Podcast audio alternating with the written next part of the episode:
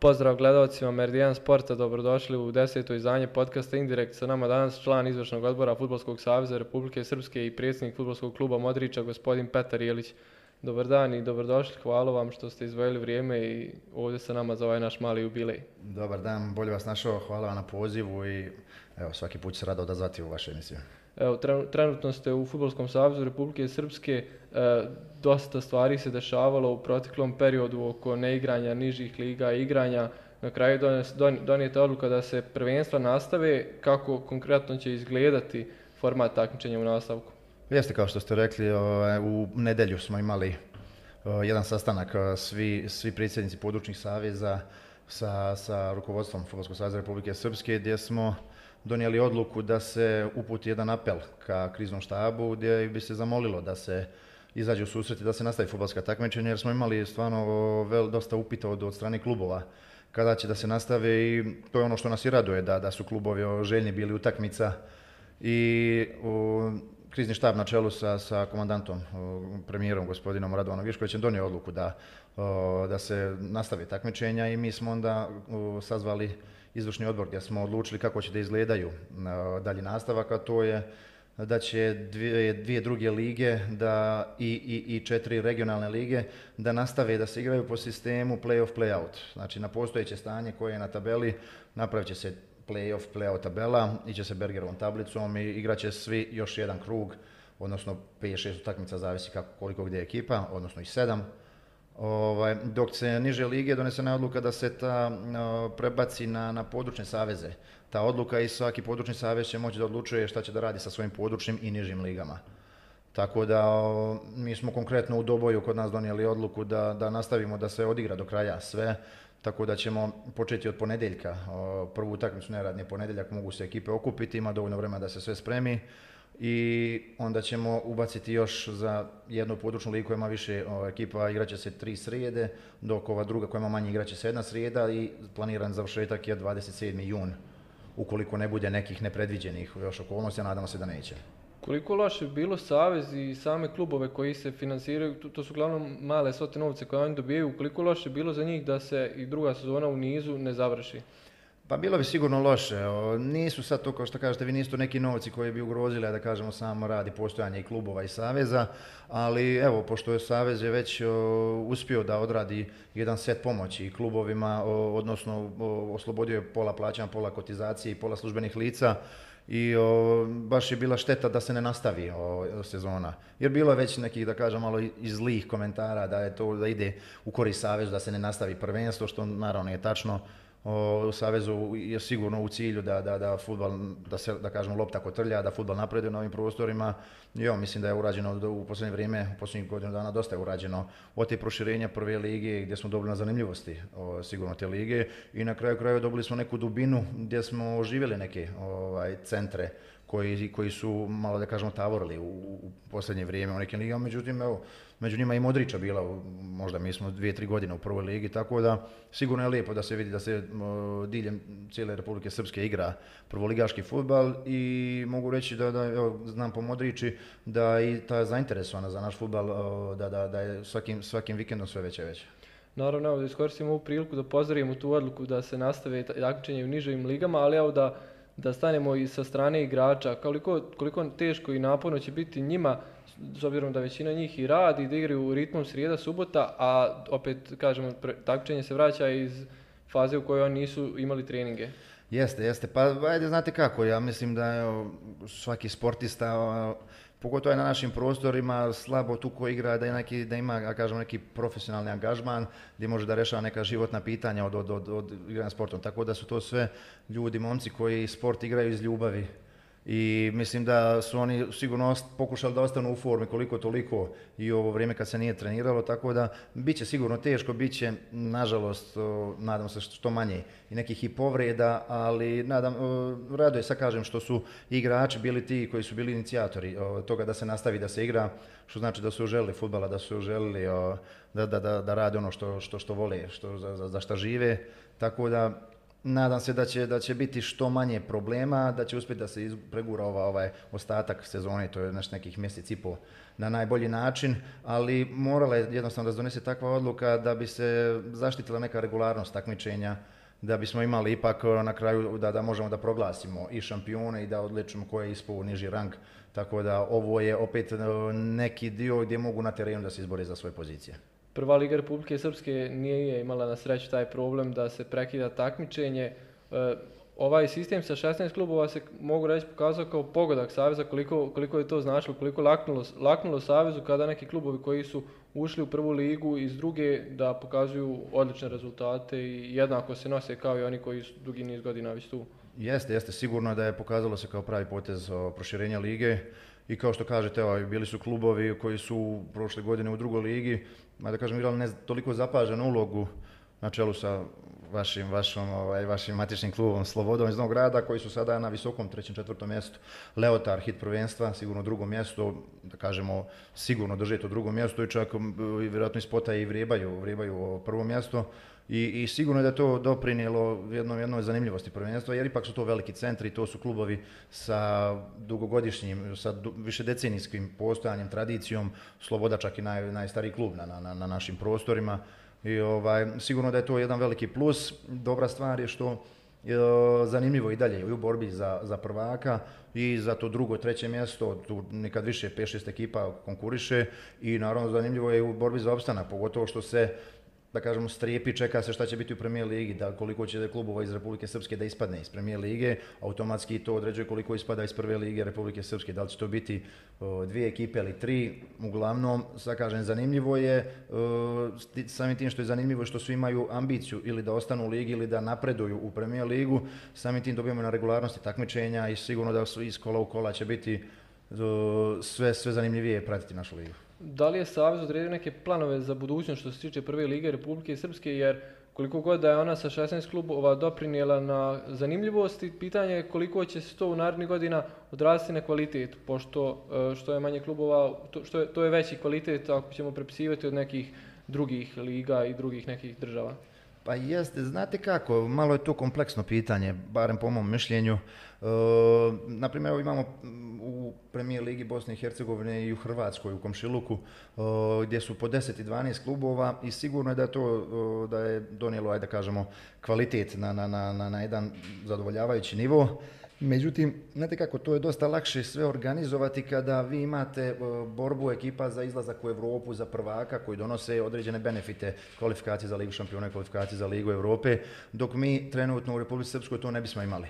Tako da i to samo smanjivanje to, to lige ili odvajanje na play-off, play-out izgubilo bi određen smisao. Tako da ja mislim da nama treba da bude u cilju sada da imamo što veći broj gradova i klubova zahvaćeni koji mogu da ispunjavaju uslove prije svega da igraju prvu ligu, od infrastrukture, od da kažemo i te neke financijske stabilnosti gdje mogu redovno da isplaćuju i igrači i zaposleni i službena lica. Tako da mislim da, da, da je ovo dobar potez Saveza i da će ostati on na snazi u narednom periodu. Naravno, futbal je živa igra, uvijek može se desiti da negdje u hodu neke stvari se promijene, pripreme za sezonu koja nadolazi, ali evo samim tim što se i, i druge lige što će se proširivati na 16 klubova, pokazuje da, da je to dobar, da je dobar potez i da će sigurno još neke sredine dobiti priliku da pokažu šta znaju na nekom višem nivou. Da li bi prva liga kroz neki način trebala da bude kao razvojna liga, ne za klubove koji igraju u Premier Lige, nego za mlade igrače da onda kroz godinu dvije mogu igrati, imati zapaženu ulogu u Premier Ligi, što u tom klubu, na primjer, koji bi recimo ušao u Premier Ligu, ili u nekom drugom? Znate kako, po, pa, po mom mišljenju trebala bi da bude razvojna liga, ali ne treba to ograničavati sa određen da mora biti ne znam koliko, ajde naravno imam neka ograničenja sa brojem mladih igrača, dva, tri na terenu da budu do 21 godine, to je sasvim ok, to je čak i u premijer ligi u, u ligama u, regionu, ali e, ipak kada ograničiš taj određeni dio, kvalitet se, izgubit će se sigurno. Jer evo, ja imam, na primjer, lično iskustvo iz, iz, dok sam bio u Rusiji.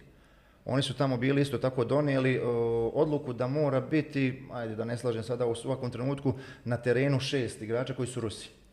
I automatski se došlo do toga da, da oni moraju da smanje broj kvalitetnijih stranaca, da dovode Ruse koji su manje kvalitetni, izgubili su na kvalitete lige, a s druge strane dobili su jedan problem gdje se dešava da jedan, ajde kažem, prosječan kvalitetan igrač traži uslove kao što bi tražio dosta kvalitetni stranac, jer zna da mora da ima šest igrača na, na terenu, zna da je on taj ili još neko. Tako da se, sve su to neke stvari koje nailaze na neki poteškoće, na neke probleme, ne samo kod nas, i, i, i u Europi, i u svijetu. Tako da sigurno da to treba da bude bude razvojna liga, ja konkretno, evo, kod, kod mene u Modrići mi svaku utakmicu imamo 12 igrača o, koji su u 18 u sastavu, 11, 12 naravno varira, koji su do 21 godine. Mimo njih imamo još 3 ili 4 igrača koji su 98 godište, znači bili su do, u 21 do, do, do, do početka sezone. Tako da dosta je mlada ekipa i tu u suštini nek, nekakav naš cilj i plan, da, da, da forsiramo mlade igrače, da, da, da im damo šansu da se nametnu i ovo, nije, nije, nije se desilo jednom da smo u zadnjih godinu dvije doveli igrače iz, iz druge, treće, četvrte lige koji su dobili šansu u, u prvoj ligi, naravno kroz svoje igre u tim nižim ligama, dokazali se, dobili su šansu i, i njima je automatski to ovaj, jedno veliko iskustvo i naravno neko privikavanje na neki malo veći kvalitet, bolji, žeš, žešći rad, tako da o, pozitivni su odjeci toga i ja kažem, mislim da treba da bude razvojna liga, ali da kažemo nekako u nekim našim, našim nastojanjima i našim, našim težnjama da to tako bude. Upravo to, evo, mod, spomenuli smo Modriću, Modrića je pozitivan primjer kako se i sa mladim igračima i mladim trenerom, prije svega moram to napomenuti, može napraviti dobar rezultat. Da li je, da li ste, koliko ste vi zadovoljni ovom sezonom i da li zbog toga što imate, što imate i mlad stručni štab i mlade igrače, da li ste spremni e, na to da rezultati nekad neće biti onakvi kako bi možda svi očekivali? Naravno, znate kako, mlada ekipa i mlad stručni štab, to su, za njih je nešto da kažem, specifično da dolazi do nekog trenutka pada forme, oscilacije, ne znam, nije, ali u svakom slučaju mi smo ovom sezonom jako zadovoljni, ali ako ćete iskreno i kad smo pričali o, o ovoj sezoni u razgovoru sa sadašnjim šefom struke, sa Purićem, o, zacrtali smo sebi taj cilj i odredili da je to nešto i realno, da bude između trećeg i šestog mjesta.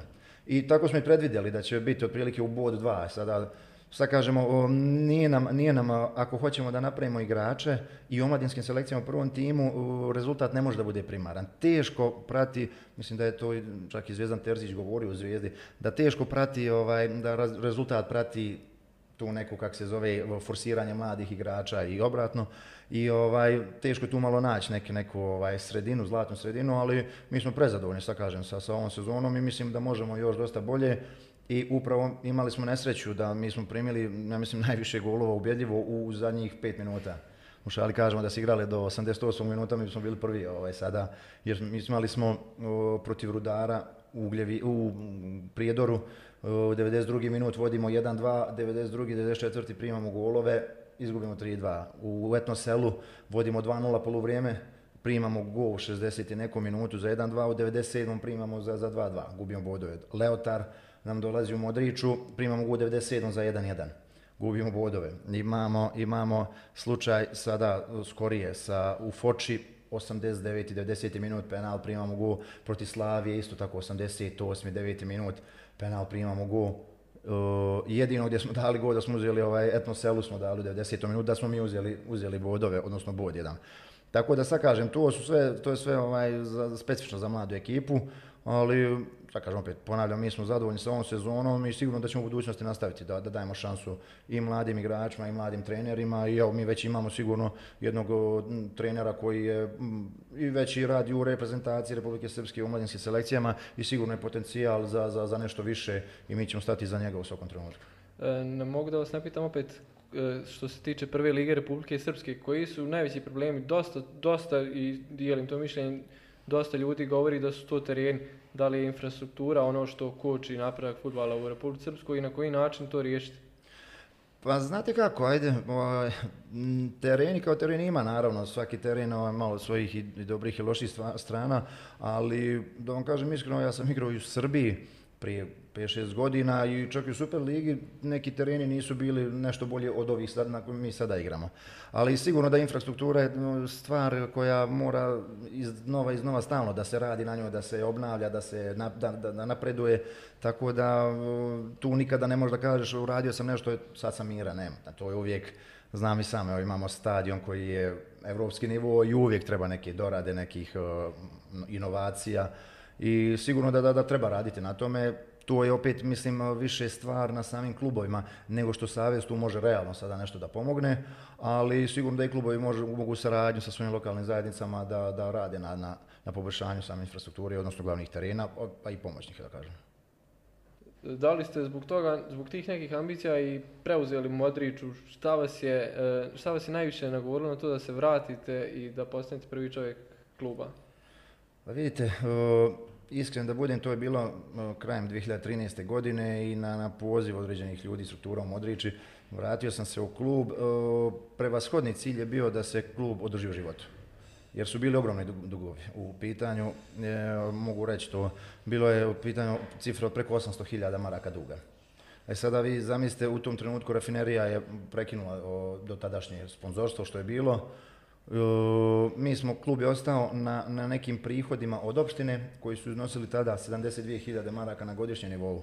Za prvu ligu i tada i sada, otprilike to isto, je neka cifra od 200-240 hiljada da se igra prva liga, da, ajde kažemo, da nemaš ovaj, neku bojazan za opstanak, da se napravi dobra ekipa. E sada vi pogledajte, znači mi smo imali u startu minus koliko, 170 hiljada i još 800 hiljada duga. Znači to smo krenuli jedno po da rešavamo. Mi smo čak imali neke prijedloge od sam članova uprave kluba da se klub ugasi. Ovaj, ja prvi nisam bio zato, nisam dao, na kraju krajeva i ja sam bio u tom klubu i tolike godine i dao i znam šta je otac i koliko je volio i koliko se trudio i sada to bukvalno neko kroz istoriju izbriše tim jednim potezom. Nismo bili zato, ja sam rekao ok, ajmo bolje da idemo 3-4 godine u niži rang drugu ligu, budemo tamo i šistimo dugove, kad se stabilizujemo vratimo se u prvu ligu i tako i bilo. Tako da veliki dio dugova smo vratili, uz naravno uz, uz, pomoć i prijatelja i sponzora ovaj, kojima, naravno to nećemo zaboraviti i zahvalni smo mi dan danas. I rafinerija je odradila veliki, veliki dio pomoći u, u, rešavanju duga prema, prema upravi za indirektno porezivanje. Imamo pomoć tokom svih ovih godina kada je u pitanju održavanje i organizacija memorialnog turnira dr. Milan Jelić, gdje imamo veliku pomoć od, od vlade Republike Srpske, od kabineta predsjednika Republike Srpske, gospodina Dodika koji pomaže svesrdno i, i, i, i, od svih ministarstava, da kažemo od svih, ministarstva porodca mladenih sporta najviše koji je naš domen. I polako smo korak po korak eh, sanirali te dugove, vraćali i uspostavljali, uspostavljali da kažemo, neke normalne, normalne prave vrijednosti kluba. Imali smo problem sa mladinskim selekcijama, čak u jednom trenutku nismo imali juniore pa isto smo rekli da krenemo samo da neka bude, za početak bude 10-11, ali da bude, pa ćemo svake godine povećavati. Uh, u nekom u, skorije vrijeme smo potpisali ugovor sa akademijom uh, koja, koja je sada zadužena za, za igrače do 12. godine, odnosno dok ne, ne počnete takmičarski dio, odnosno pioniri.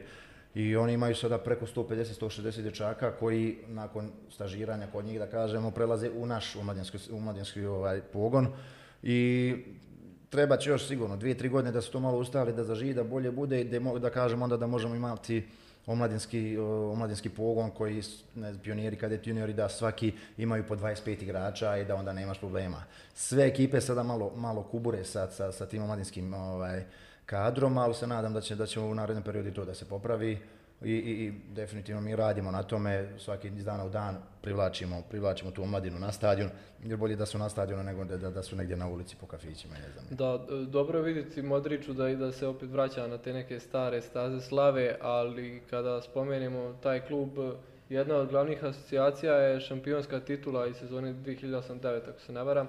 7-8, sezone 2007-2008, vi tada niste bili član kluba, ali sigurno znate kako je tad bilo u Modriću. Da, nisam bio član kluba, ali sam, to su sve moji saigrači bili, ovaj, bio sam na konstantnoj vezi sa njima i uspio sam čak i da stignem na tu posljednju utakmicu, gledao sam, sjećam se, protiv jedinstva iz Bihaća, da smo dobili 3-0, ja mislim. Da, ta, ta je utakmica za titulu bila, široki jest, bio drugi. Ovaj, Bihać je to, tom utakmicom ispao iz lige, mi smo bili prvaci.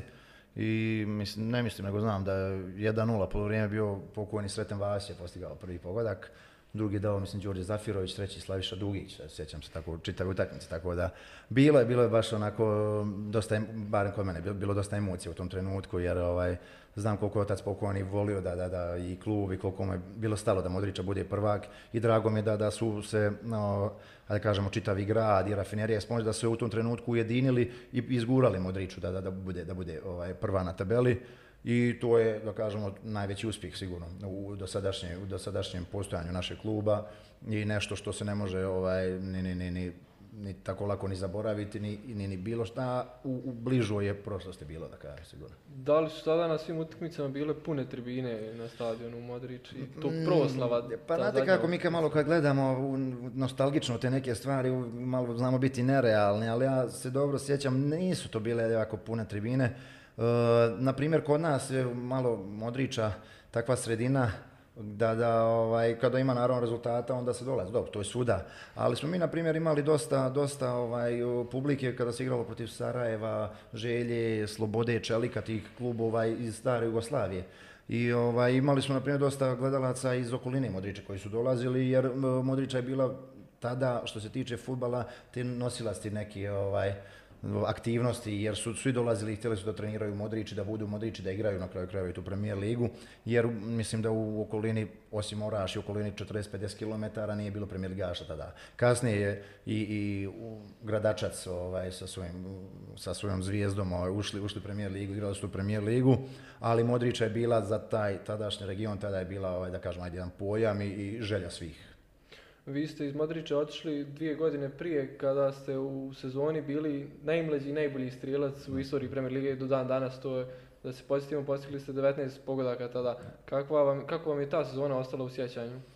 Pa bila je ta sigurno jedna, jedna lijepa sezona i baš ovaj, održavamo kontakt to, to neko naše društvo iz, iz tih godina. Ovaj, prije svega mislim da je bila dobra sezona jer je bilo dobra, dobra atmosfera u ekipi. I, i dan danas govorim da nebitno i za upravu i za publiku i za bilo šta, ipak je ta stočionica ta koja donosi rezultate, koja nosi i, i igru ekipe i sve. Tako da bila je dobra, dobra sigurno, sigurno sezona. Mi smo tada završili, čini mi se, četvrti na tabeli Znam da smo, ja sam prve dvije i pol godine i da smo bili četvrti, peti, šesti, sada smo bili četvrti, pa šesti, pa peti. Pa, sezone, da. I o, da, nismo, nismo, mislim da nismo izborili Europu, tada treći je išao, sezonu prije smo uzeli kupa, pa smo preko kupa išli u Europu. Tako da, da, za mene lično bila dobra sezona, da kažemo i na nekom, na, na, na, na ličnom planu i na, na sportskom planu i bilo mi, da kažem, jako teško kad sam ovaj, napuštao Modrić, ipak ja sam tu proveo tih svojih prvih 19 godina života tu mi je bilo i, i najljepše i bio sam svjestan u suštini, mnogi sada igrači nisu svjesni kad odlaze preko gdje odlaze, kako odlaze i onda se brzo i razočaraju, vraćaju se i razočaraju. Ja sam znao šta će biti, u šta idem, ali ajde, mislio sam došlo, da je došlo vrijeme da napravim ta neki iskorak u karijeri, da pokušam nešto više. Na kraju krajeva i klub je dobio dobru ponudu financijsku za mene, za, da kažemo, zatvorio je ovaj, financijsku konstrukciju za, za, za godinu, pola godine tada, što, što nije mala stvar. I to je tu Modrić bio jedan od prvih nekih, da kažem, većih transfera. Kako se bilo nositi sa slavom kada sa 19 godina u Premier League postignete 19 golova? Pa nije tu bila, ne možemo reći, neka slava sada, ovaj, ajde, generalno Modrić je mali grad, Manje ovaj, svako, praćeno, svako, da. svako, svakog zna. Drugačije je bilo, definitivno, tada su bile novine izlazile, znači nije bilo interneta i o, da, da na telefonu odmah da ulaziš na portal i da gledaš ko je kakav, nego se čeka od sutra dan, da se kupi žurnal, da se vidi koja je ocjena, tako da ovaj, drugačija su malo vremena bila, ali bila, bila su lijepa vremena i bilo je, bila je dobra liga, bilo je dobro kvaliteta, nažalost tada je bilo u, sada u komparacijom sa sada bilo je manjak, manjka novca. Pa su ljudi išli da idu i da igraju u inostranstvu vani za dosta manje uslove, dok na primjer sada u, u vrijeme za, za, za dosta više novca igraju u premijer ligi.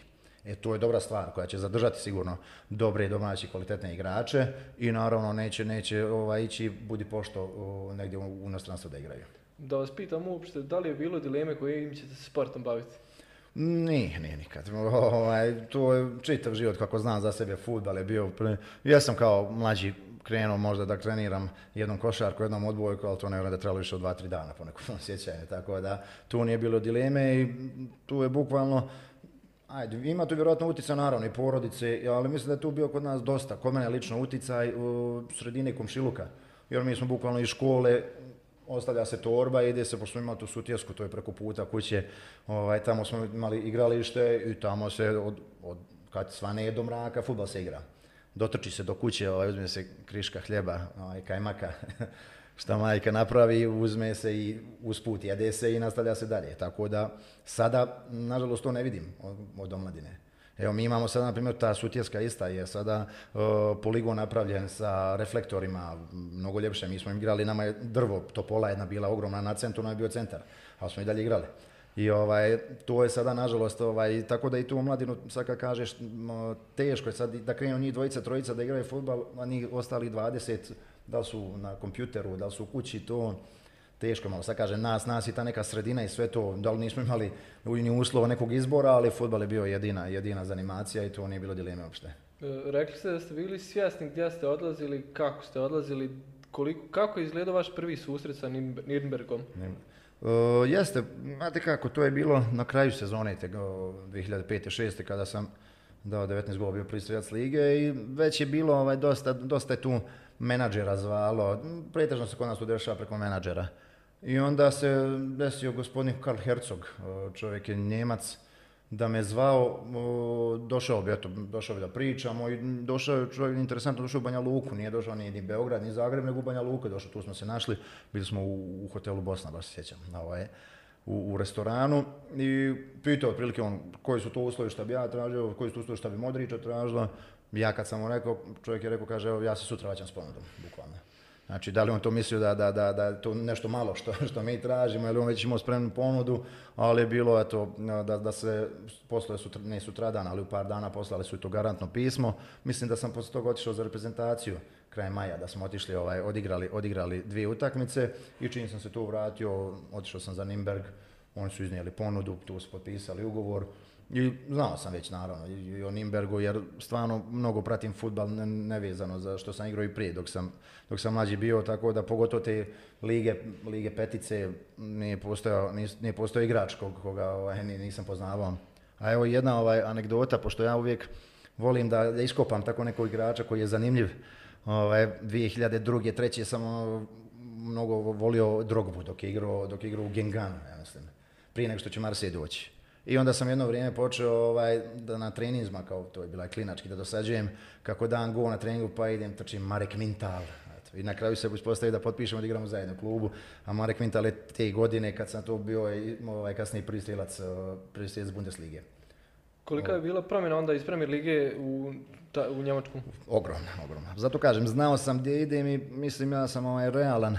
Uvijek, uvijek je bio, nije mi problem da kažem, što sam govorio i tada i sada, pitaju zašto se nisi našao tamo, zašto nisi igrao, jednostavno ljudi su bili kvalitetniji u tom trenutku. Je li bio Stefan Kisling tad u... Uh, njega su bili prodali godinu prije u Leverkusen zamisli za 5 milijuna, tako nešto, da. On je bio otišao, ali smo imali, uh, Nimberge, na primjer, uh, polusezon prije što ću doći, preuzeo je Hans Mayer, trener, stari trener koji je tokom karijere stvorio neku reputaciju trenera koji ostavlja ekipe u ligi kada su u teškim, kada su teškim ovaj, situacijama. Došao je Nimberg isto tako, bili su zadnji, oni su završili tada osmi, deveti, tako nešto, osmi mislim na tabeli. Znači stvarno je podigao ekipu i onda je postali su svim zanimljivi svima, svi bi došli da dođu tu, lijep grad, blizu Minhena, lijep položaj i stvarno su doveli ekipu gdje je, na primjer, u Špicu gore, stvarno su imali ogromna konkurencija.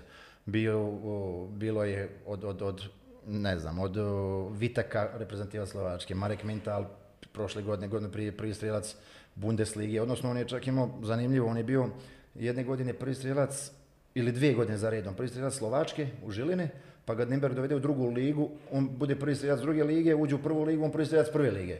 Znači stvarno jedan ovaj, čudo od igrača i strašno, strašna osoba. Znači i on je bio reprezentativac Slovačke. Ivan Sajenko, reprezentativac Rusije, 2006. godine Rusija igrala na svjetskom prvenstvu. Ako se sjećate, sve igrači iz Ruske lige.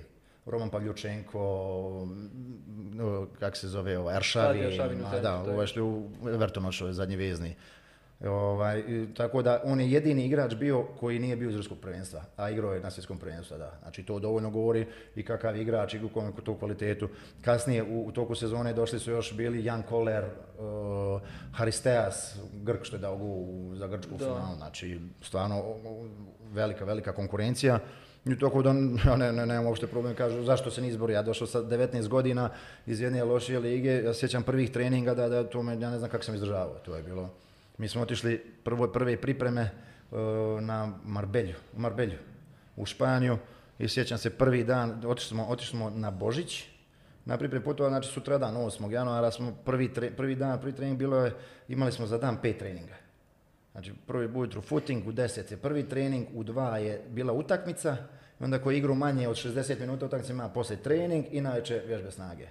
I ti dođeš ovamo iz jednog treninga, mislim, iz, iz Modrića, svaka čast, ali opamo ipak, tako da je trebalo dva, tri mjeseca prvo da se adaptiramo, a onda kasnije primijetio se naravno i napredak i, i u fizici što se mene lično tiče i u promjeni igre i promjenu stilu igre i tako da, da, da, da sam ostao tamo malo sam ja bio i nerv, nervozan, ajde kažem nervozan, bio i brzoplet i sad s ove distance možda sam trebao ostati tamo, ali opet, eto, poslije toga mjesec dana izdešavalo se, nakon što sam se vratio, da, da je uh, pokojni otac umro, tako da sad opet kažem, ko zna zašto je dobro što sam se vratio, ali eto, na kraju sigurno da nisam ni nezadovoljan ni šta sam uradio, a da je moglo bolje, uvijek može bolje.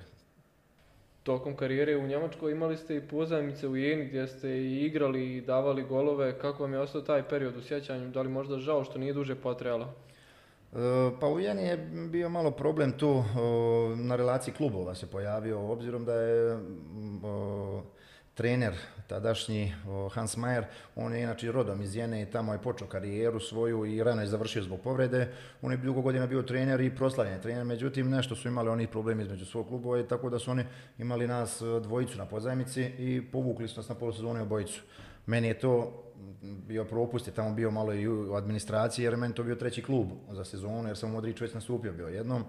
Tako da nisam imao pravo nastupa za, za Nimberg tokom te godine, ali što je bilo interesantno, je, ovaj, svaki put uh, trener me vodio sa ekipom, bio sam u karantinima, čak kup kad smo osvojili, ja sam došao na polusezoni, igrali smo četiri finala i četiri finale kupa, polufinale, finale kupa, sve sam bio sa ekipom, tako da ovaj, u, u svakom slučaju bila je greška, treba, bolje bi značilo bi da sam ostao sigurno radi utakmica, tu sam izgubio pola godine, nisam igrao, ali opet, sad kad vratim film, to samo osvajanje kupa, učestvovanje na tom spektaklu u Berlinu, kasnije doček na, na, od aerodroma do stadiona, to je stvarno nešto za, za, za, za što svaki sportista živi i za, za, to su neke uspomene koje ostaje za čitav život.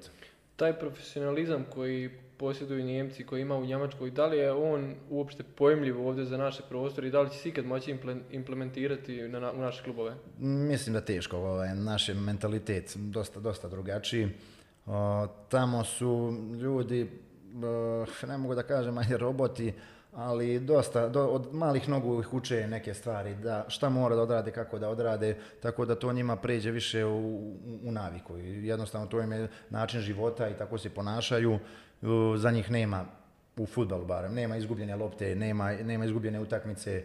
Na kraju krajeva ne doživljavaju sve to toliko tragično kao mi. Mi izgubimo utakmicu u 90. minutu, pa onda tri dana ne možemo doći o sebi. No, oni su odmah posle utakmice namještaju glavu za sljedeću utakmicu. Ovo je bilo prošlo, ne možemo puno da promijenimo. Tako da je sigurno to nešto, nešto što treba čovjek da doživi i da, da, da, da pokuša da se, da se uklopi u to sve sa njima. Onda povratak iz Njemačke u OFK Beograd, da li ste bili fizički superiorni u odnosu na druge igrače, e, koliko ste bili, koliko, ste, koliko je u stvari vaš kvalitet bio u odnosu tad na Superligu Srbije? Znate kako, u OFK sam se vratio na kraju priprema. Tako da, da, da nisam imao puno vremena da se uigram sa ekipom i te prve sezone čitave nisam nešto puno čak ne gore sad kažem, zadesila se ta mi tragedija nakon 20 dana gdje je umro otac i to je stvarno onako baš dosta, dosta uticalo na mene i na, na, na mislim i dan danas ima utjecaja. Ovaj, tako da nismo, nisam nešto puno, kasnije smo već drugu, drugu sezonu smo imali i dobru ekipu i, i dobar rezultat. Bo treću sezonu sam bio i kapiten ekipe, izašli smo u Europu.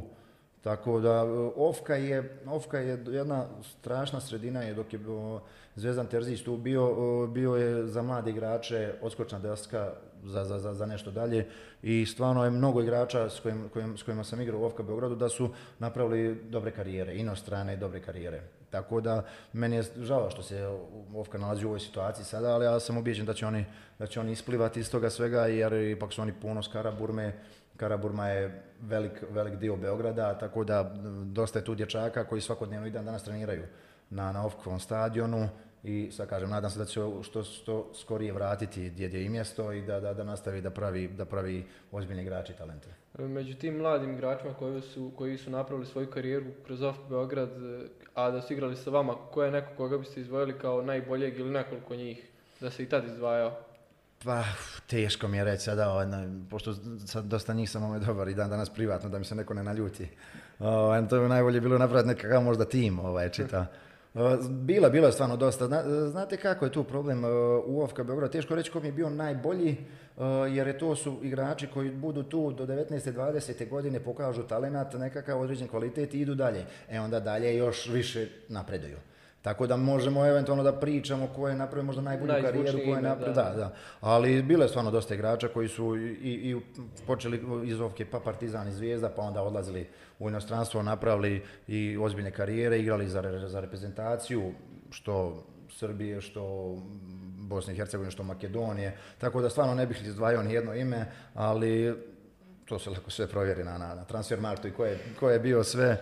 Ali evo, ne znam sada, dosta njih na čelu sa Nenadom Krstičićem, sa Ignjovskim, napravili su, evo sada Rodić u Zvijezdi, Petković što je bio u Zvijezdi, oni su igrali za reprezentaciju, napravili su nešto, Stefan Babović otišao kasnije igrao. Šaranov.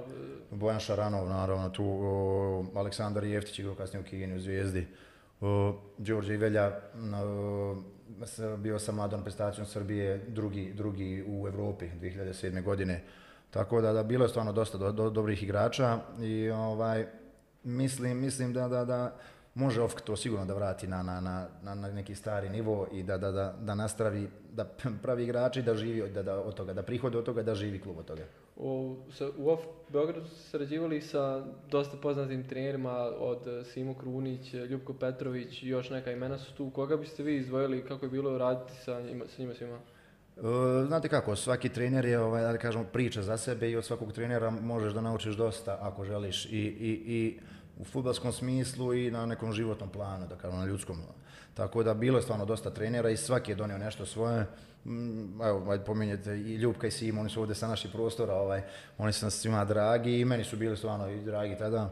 Sjećam se kad je Ljubko preuzeo, ovaj, on je napustio ja brzo ekipu, jer je rekao, kaže, ja s ovom, s ovom ekipom moram da napadnem prvo mjesto, a ne znam koliko će mi to dozvoliti, ovi veći. Tako da je on sigurno imao tu neku svoju harizmu. Simo Krunić je došao u jednom jako teškom trenutku za Povka Beograd kada smo, čak je prijetila borba za opstanak i bukvalno u 3-4 utakmice je oživi preokrenuo ekipu gdje smo imali dvije ili tri pobjede odmah za redom i, i opstali u ligi. Ovaj, tako da, da ja moram isto da izvojim, nije, me, nije mi bio trener u OFK Beogradu prvi tada, bio mi kasnije u radu, ali je u OFK Beogradu bio počinjao svoju trenersku karijeru i bio pomoćnik o, Milan Milanović, popularni Švaba Milanović, tako da, da imali smo tako ovaj, stvarno dosta dobrih trenera tu prodefilovalo i, i koji su kasnije napravili opet da kažemo i ozbiljne karijere i radili u reprezentacijama razno raznim. Da li i u tom nekom periodu u kojem ste igrali u Beogradu, da li ste razmišljali da li ste bili sigurni da ćete se ponovo probati negdje u inostranstvu? Nakon toga, ako se ne varam, otišli ste u Volgu. Jeste, jeste. Pa vidite, znate kako, ja sam još u Vovku bio relativno mlad, sa 22-23 godine i bio mi cilj, naravno, opet da, da odem, ajde malo, prošle neko vrijeme, malo su neke taka emotivne te rane i zarasle. Bio sam u suštini spreman opet za neki novi izazov. Pojavilo se to za Volgu, jedna malo specifična priča, ali na kraju ispala stvarno super. Tako, oni, su, oni su došli sa jako, ajde kažem, primavljivom dobrom ponudom i financijski svakako.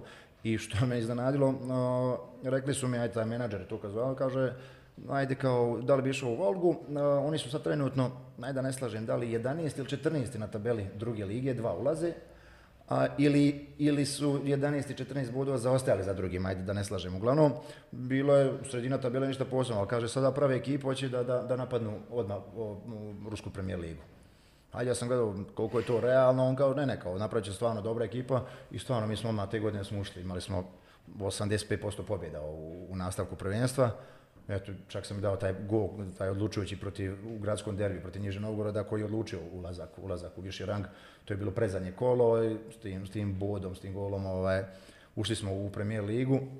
Tako da, ovaj, sad kažem, to nikad ne znaš u životu sportiste šta ti sutra nosi ovaj, treba dosta tu kockica da se posloži da bi se napravilo nešto. Sad ja mogu da pričam šta bi bilo, da, da sam prihvatio jednu ponudu, drugu nisam, ali sad kažem tu sa Rusijom je ispalo, a Rusiju sam uvijek nekako, ovaj, e, zemlja mi bila fascinantna, bio rusofil sam, tako da sam, imao sam tu želju da tamo odem, da živim, da naučim jezik I eto, desilo, mi se, desilo mi se tako brzo da u, Njemačkoj, u njemački jezik sam učio u školi, u srednjoj, bio sam stvarno dobar, jezici mi idu i nakon toga odmah, odmah odem u Njemačku gdje sam još završio jezik. Evo tako i sa Rusi, u Rusiju ima sličnosti sa našim jezikom, nije to naravno ni, ni blizu, ali eto, otišao sam tamo i tamo za, za dvije i pol godine završio jezik, tako da eto, uz taj futbal, ovaj, mnoge druge stvari se pokupe, kaže, može se reći dva dodatna fakulteta ovaj, sa, sa dva jezika, tako da... E, koliko se Rusija razlikuje sa aspekta za jednog futbalera od Njemačke, pošto igrali ste u Rusiji i u Njemačkoj? Kolika je promjena to bila? Druga, drugačije to. Rusija ipak dosta su slični nama u svemu. Tako da ovaj, mi smo imali tu, da kažem, tek je klub bio ušao u premijer ligu, bilo je nekih kažem, propusta, možda, možda e, ne kažem manjka discipline, ali sigurno je neki propusta i u administraciji svuda, tako da se vidi sigurno ta, ta razlika u odnosu na Njemačku gdje je sve, kažem, pod, pod kanap, sve ovaj, uređeno, ali sad kažem, Rusi su specifični i kao narod i oni su tih godina stvarno ulagali dosta u futbal i dovodili su svjetski poznate zvijezde u klubove od Anžija sa, sa Etom, Hačkala, pa čak i Spartak i Lokomotiv su uvijek, oni su tamo uvijek među najvećim ekipama Ovaj, Zenit je tih godina čak u Europi dobro igrao i kotirao. Ovaj, ulagali su dosta u futbal. trebali su naravno još pomenuti da ulažu malo u neku unutar, unutrašnju organizaciju svoju, ali naravno opet ne može sve preko noći, to je sve neki jedan, jedan proces, ali u Rusija mi sigurno i kao zemlja i kao takmičenje sve ostalo u jako lijepom sjećanju. E, ko ima veću futbolsku kulturu, Rusi ili Nijemci? Ma Nijemci, to, to se ne može, ovaj, ne može se porediti. Stvarno, znači to kad odeš na utakmicu, ja sam sjećam Nimberg, pa mi priča taj jedan funkcioner u klubu, ovaj, kaže Nimberg ispadne iz lige i kaže i, dalje ima 48.000 ovaj, rasprodatih ulaznica za sezonu. U, u Bundesligi također 48, znači to, to kod njih ne, ne, ne, ne odstupa. I onda kad vidite da oni bukvalno idu djed i unuk porodično, njima je to neko dakle, porodično druženje da se ide na, na, na, na utakmicu, to im je stil života, da oni odu tamo da uzmu onaj pojedu onaj njihovi viršle, hot da. da, popiju piju, čak djeca uzmu piju pivo.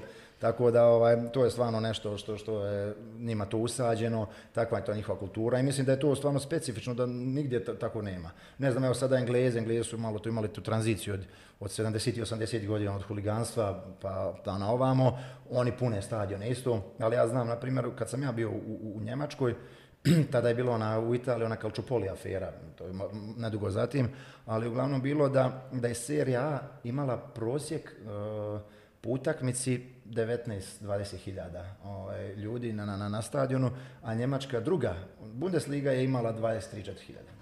Znači to je samo, samo a da prvu da ne pričamo sa velikim stadionima, o Bayernov, o Dortmundov, o Schalke tako da. Ovaj, zato kažem, to, to, to je stvarno, oni su, ja mislim, specifični za, za, što se toga tiče, futbal je kod njih način života, kultura, tako da, da, da oni su po meni broj jedan što se toga tiče. Zbog čega je između ti, te vaše karijere u Rusiji došla pozajmica u Dinamo Tbilisi? E, desilo se, ja ne znam, zato kažem u Rusiji je malo specifično, tamo se desilo kod nas da je došlo do promjene i predsjednika i čitavog upravnog i sportskog dijela, a u Rusiji znate kako oni rade, ovaj, oni kad se promijeni predsjednik, on promijeni tamo od, od čistačice u klubu pa nadalje. Tako da ja, ja sam malo šali, kažem da sam jedini koji u Volgi preživio tri promjene ovaj, strukture, te neke ovaj, rukovodeće, ovaj, da sam, da sam opstao. I onda je ovaj, bukvalno došla je ta pozajmica jer ti ljudi koji su bili tada, koji su me znali, ovaj, oni su se vratili u Dinamo Tbilisi, imali su neku ambiciju da, da, da, da Dinamo igra u Europi. Otišao sam tamo na pozajmicu šest mjeseci po dogovoru, kasnije sam se vratio, onda se opet promijenilo rukovodstvo ovamo, pa je došao trener Španac koji bukvalno nije ni, znao da sam član kluba, ni, ni bilo šta, pa sam onda kod njega na pripreme, pa se nameć, nametnuo, odigrao, odigrao dobro, pa on sam insistirao na kraju da, da ostanem tu, tako da onda su iz njega promijenili i ostali, pa smo onda Hmetović u Sarajevu što igra i ja i još dva, tri reprezentativca i Rumunije i, i, i, kako se zove Moldavije i, i Izraela, ovaj, bukvalno samo su nam rekli, ne računa se, ajde dogovorimo raskid ugovora, tako da u, Rusiji to tako funkcioniše, tu čovjek definitivno ne treba da bude nešto emotivan oko toga. Ono, jedno, ono što smo dogovorili, to, smo, to su isplatili, tako da s te strane stvarno ne, ne, mogu, ne mogu reći ništa loše osim Rusije koja je specifična za sebe, priča za sebe, Njemačke koja priča za sebe, nakon toga došla je i epizoda u Kini. Koliko je Kina priča za sebe u odnosu na sve to? Tek, tek je Kina priča za sebe. Ovaj, Pa sjećam se na anegdote kad sam kre- krenuo u Rusiju i pita me prijatelj moj, Nikola Jolić koji je igrao sa mnom u, u, u Beogradu, koji je igrao šest godina u Rusiji i bio je, da kažem, jedna od spona što sam uopšte otišao u Rusiju. Me preporučio ovaj, menadžerima koji su kasnije dalje preporučivali, tako da ovaj, sigurno je odigrao jednu veliku ulogu u, u tom transferu i kasnije u Kinu čak. Znači, cijenio me koji igrača u svakom slučaju, čuvao me na treninzima pa je znao što- ovaj, s čim ima posla. Ovaj, on mi je rekao kad sam krenuo u Kinu, pita, u Rusiju, pita me on, ovaj, pričaš li engleski? Poruku, pričam engleski, njemački, rekao, super, taman. Kaže, ostavi ih na granici. Kaže, jer- Rusi, kaže, oni su stvarno za sebe i nema, one, oni, Ruski znaju, oni su svi za sebe, e tako je u Kini, Ki- Kini još gore. Oni su bukvalno, bukvalno planeta za sebe. Njima niko ne treba osim njih samih, ni, ni što se tiče ni ekonomije, ni, ni, ni, ni, ni biznisa, ni, sporta, ni bilo čega. Tako da ovaj, stvarno, je, stvarno je specifična ovaj, i nacija. I, i, I ja kažem uvijek, tu je lijepo otići da se vidi šta ima da se vidi 7 do 10, 20 dana koliko se idu ti već te putovanje, ekskurzije. Ja sam tamo bio 6 mjeseci i stvarno mi je teško bilo. Ovaj, daleko je bilo, nisam mogao, iz Rusije sam, na primjer, ok, sjednemo na avion 2-3 sata iz Moskve je let, dođem tu kad je pauza za reprezentaciju, iz Kine pet i po mjeseci nisam uopšte do- dolazio kući i oni su tako od sebe kakvi jesu, bare meni ne, ne, ne- nisu odgovarali, jer sam bio tu u toj ekipi, meni onako nepojmljivo da izgubim utakmicu, da njima sasvim sve jedno. Dobio utak, ma to je, tako da sam se ovaj, dosta stvarno nervi- nervirao tamo i sa njima i bilo mi bilo i na treninzima i na utakmicama. Koliko su voljni da prihvataju neke stvari od e, ljudi koji dođu iz europskog futbala, jer dosta stvarno i što trenera, stručnjaka, što igrača pri zalasku karijere i na početcima karijere je o- o- išlo u Kinu i negdje pokušavalo da podigne kvalitet same lige. Pa jeste, pa Kinezi isto kao Rusi u tom trenutku, ovaj, dovodili su stvarno velika futbalska imena jer su pokušali da naprave jedan, da kažem, boom sa, sa, sa tim marketinški svakako. Ovaj, dosta njima teško da, da usvoje neke stvari. Ipak je teško očekivati da jedan čovjek promijeni 30 ljudi. I neke njihove urođene, kažemo, navike, neke navike koje su stekli tokom svog života, odrastanja i mladosti. I ovaj, stvarno, stvarno su spe- specifična nacija i teško je doprijeti do njih, ali s druge strane ni u jednom trenutku niko se tu od stranaca nije osjetio ni nepoželjno, ni ne- da nije voljen, da, da, da, ga ne poštuju, tako da s te strane veliki respekt prema, prema njima i stvarno gledaju pokušavaju vjerojatno i oni malo da, da, da uče i da se promijene, ali jednostavno neke stvari su malo jače od njih. Poslije tih šest mjeseci kod vas je pretpostavljam bilo hvala, doviđenja. Šest mjeseci sam ostao, ovaj, smršao na, na, na neku moju normalnu igračku kilažu sam smršao još 5 kila. Nije bila sam hrana bio Pa ne, hrana, ja definitivno ne, ne volim ljutu hranu. E sada, znate kako, ovdje kad odemo kod nas, kad odeš u, ovaj, u kinesk, kažeš na kinesku hranu, to je stvarno, ona je prilagođena nekim našim evropskim uslovima. Ali kad odeš tamo na, na, na kinesku hranu, to je, to je skroz, skroz druga stvar, tako da šta, šta sve jed- jedu i kako jedu i kako začine, ja ne volim ljutu hranu. Tako da sam ja bukvalno tamo na, na, bio na, na, riži, piletini, jajima, čitav, čitav, čitav to vrijeme, čitav period. Ali ja sam bio u Guangzhou, u gradu koji je, mislim, treći u svijetu po, po količini vlage ovaj, prosječno u toku godine. Znači, mislim da tamo vlažnost ne, ne ide ispod 90%. Tako da i kad se probudimo, onako dan ako bude malo tumurniji, ružniji, izađeš napolje, na, za pet minuta si gola voda. Znači, stvarno isto specifična. Imali smo, kasnije na početku smo imali trenera koji je čileanac, koji je bio dugo godina pomoćnik našem proslavljenom Bori Milutinoviću. Ovaj, I kod njega su bili stvarno i dobri treninzi i zanimljivi. E onda posle, o, on je dobio otkaz, dođe kinez, trener, to je luda kuća. On, u treninzi u 10 i u 4, na, na, na 40 stepeni. I onda krenuo to, u jednom trenutku imali smo taj Francuz je bio kondicioni trener i ovaj, jednostavno čovjek kaže, no ovo nije normalno, kao i sam, dođe nama prevodilac tu stoji i samo dolazi priča, kaže, govorim, recim, kaže, ovo sada što trčimo, kaže, to nisam ja, to ja ne želim. Kao ne želim da imam ja bilo šta sa nekom, ako se neko povredi, upadne u nesvijest ovdje, ne znam ja. Tako da je to stvarno bilo na neko, ali vidim, na primjer, ti kinezi, ovaj, da oni to vole. Njih, oni vole da i neko goni, da trče bez lopte i to, to, to ti je. Tako da, ovaj, malo, malo je, malo je tu bilo, ni, nisam bio tamo srećan, zadovoljan životom. Iako sam dobro počeo sezonu, bio sam u, u, prva dva kola nisam imao pravo da igram, o, kasnije u, u četiri ili pet utakmica dao sam, dao sam četiri gola, ekipa je dala četiri gola, znači svi. Ali se desilo, mislim, znači tako trener ima ugovor, mislim ako šest utakmica bude bez pobjede, da automatski dobija otkaz. I mi smo prvi dvije nisam igrao, četiri ostale isto, mislim da nijedno nismo pobjedili, on je onda sklonio se, dobio, došao ovaj trener i odmah prvu utakmicu stavi me na klupu i naravno naš, naš, naš mentalitet luda glava, gdje ćeš mene na klupu, ja ovdje dajem sve golove, tako da tu smo već malo, ne, ne kažem na, na naratnu nozi, ali ovaj, definitivno već, već to je bilo prošlo tri mjeseca i već, već sam počeo da, da, da, da vidim da to nije to i jedno čekao da se završi, da spakujem stvari i da se vratim kući. Da, i onda možda i najbolji početak. Ne znam da je iko u futbalu na debitanskoj utakmici Wayne Rooney dao tri, vi ste dali pet na debitanskoj utakmici u radu. Jeste, jeste, pa pričali smo ovaj prije emisije malo o tome, ja sad kažem stvarno nisam imao osjećaj da je debitanska utakmica, jer sam prije toga odigrao jedno 6-7 utakmica sa ekipom na pripremama, tako da isto prva dva kola nisam imao pravo da igram ovaj, zbog papirologije i neki, nekih, da kažem, drugih stvari. Ovaj, eto, to je bilo treće kolo protiv Voždovca. Isto znam da je, ovaj, to su mi kasnije govorili, kao ti si navikao na vrućinu, bio je stvarno sparan dan, baš je, svi smo gledali sam kako da preživimo dan. I ovaj, de, krenula utakmica, desilo se što se desilo i kao što kaže to ovaj, jedan strašan početak i pričam uvijek, bila je stvarno dobra ekipa u radu tada. Jedna ekipa, mi smo završili peti na tabeli, igrali smo dva, tri kola pred kraj, smo igrali sa Vojvodinom za direkt za plasman u Europu, ta izgubili smo 1-0, uh, Mića Ivanović, Ivanić nam je dao gol. Ovaj, tako da i Vojvodina imala ta strašnu ekipu sa Mijatom Gaćinovićem, sa, sa, kako se zove, sa Ivanićem, koji je u špicu još bio, e, ne mogu se sjetiti sada. Bakar. Mm. Mislim da je bio Abu Bakar tada. E, ne mogu se sjetim koji je špicu bio, ali, ali, znam da je, da je stvarno to, dobra ekipa. Ma bio Laza Veselinović, što je u, u, u Duku bio. Znači, stvarno dobra jedna ekipa bila i, i otišli su oni u Evropu zasluženo u svakom slučaju, tako da, da ovaj, bila je dobra ekipa rada i ne znam da li, da li rad, evo, poslije toga da li kako je bio oko tog četvrtog, petog mjesta.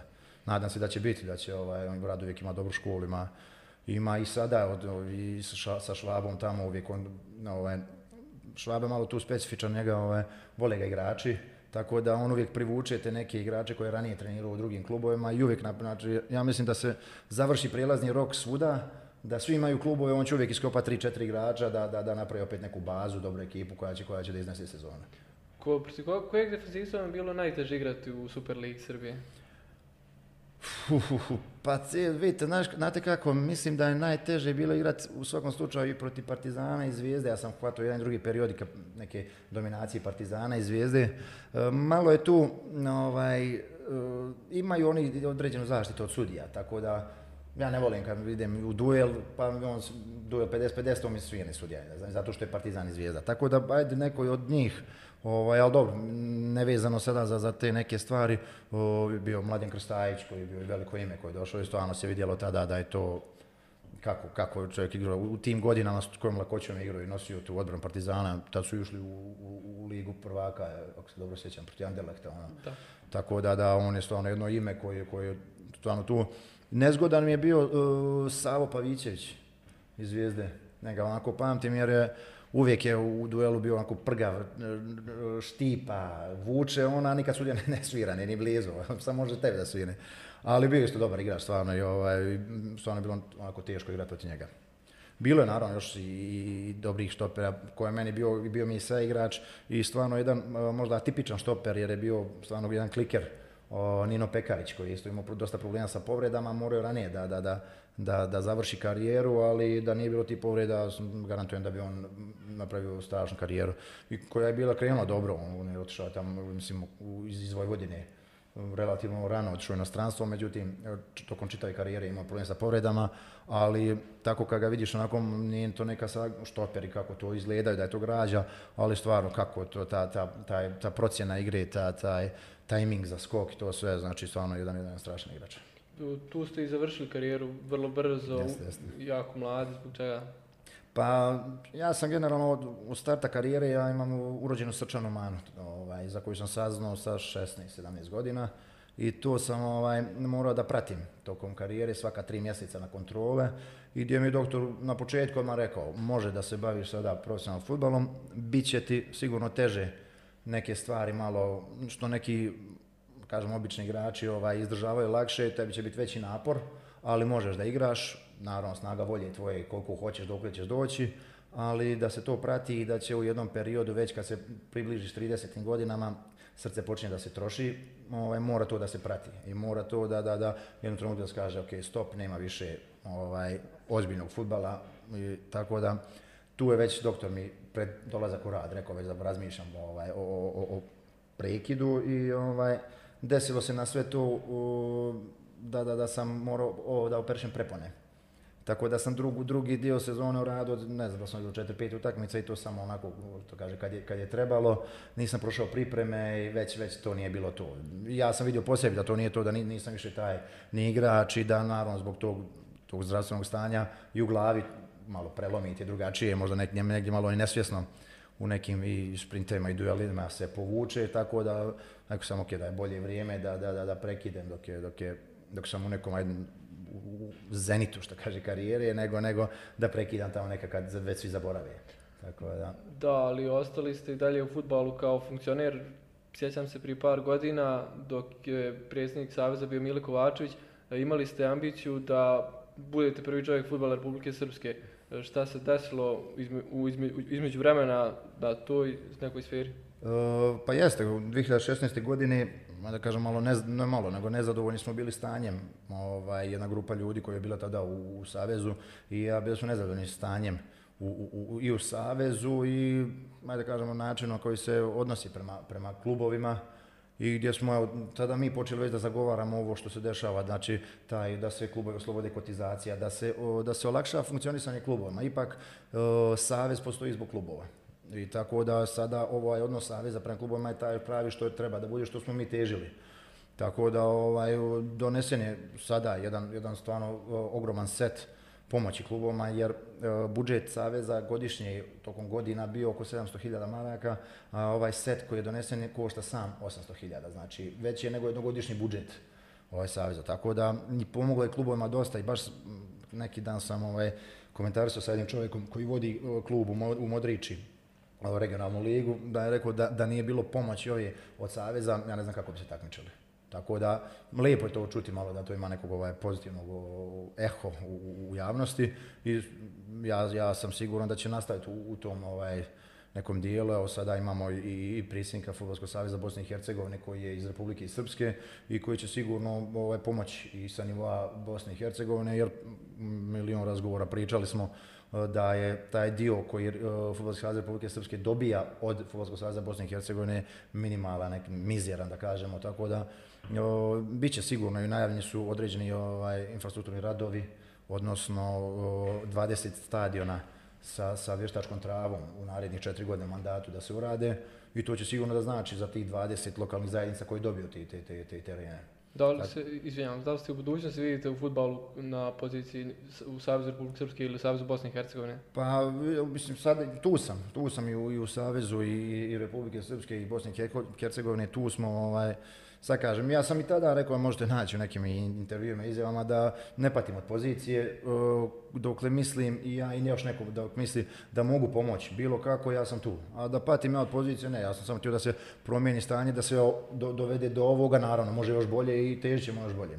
Tako da ovo je sada nešto što, što smo, čem, čemu smo težili i evo ja znam koliko meni znači to za, za klub kad ima ta pomoć, ako bi su uspjeli još neke stvari da se odrade, to bi bilo super i, i olakšalo bi i, i klubovima i naravno ljudima koji rade u klubovima i sam rad i samo biti sa njim. E, hvala vam na ovom gostovanju, ja vam želim puno sreće u budućnosti da ostvarite sve svoje ciljeve i ambicije. Hvala i vama, također vama sve najbolje i moram da pohvalim vašu emisiju i sviđa mi se vaša ekipa kako to radite i sad kažemo, uvijek će se odazvati da budem vaš gost. Poštovani gledalci, hvala što ste gledali, bio je ovo gospodin Petar Jelić, ostanite uz Meridian Sport, vidimo se opet za 7 dana.